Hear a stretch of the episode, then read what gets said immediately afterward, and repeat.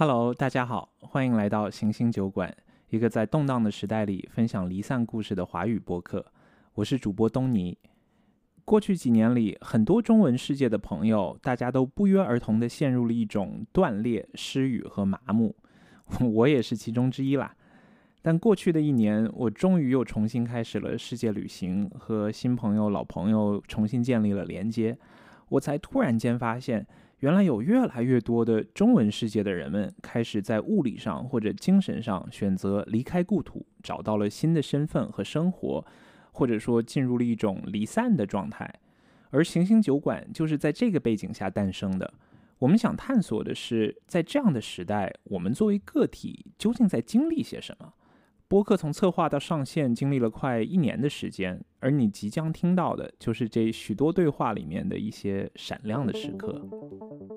我们有一只小狗叫 Hacker，去年十月的时候决定搬到国外嘛，我们想了特别多很扯的想法，比如说我们研究了一条边境偷渡路线，然后让朋友带着 Hacker 到云南的某一个地方，然后我们开着车从。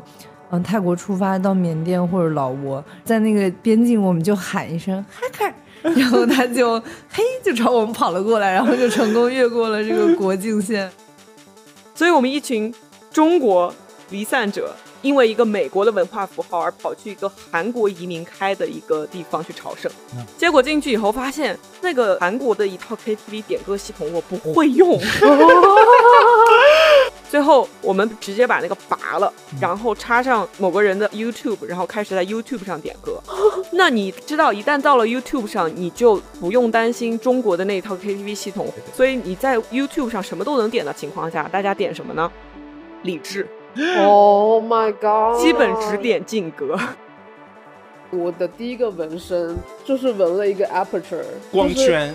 我当时是觉得哇，我好热爱摄影。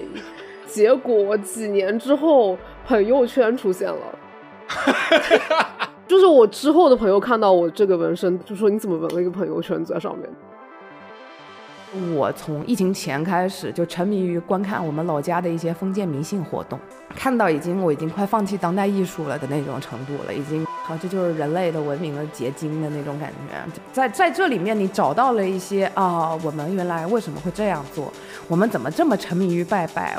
我们对于美好生活的向往是这样的，和我们对于恐惧、对于灾难的关系是这样的。通过这个，我其实会感觉到，哦，我所来来自的那个地方变得很有意义。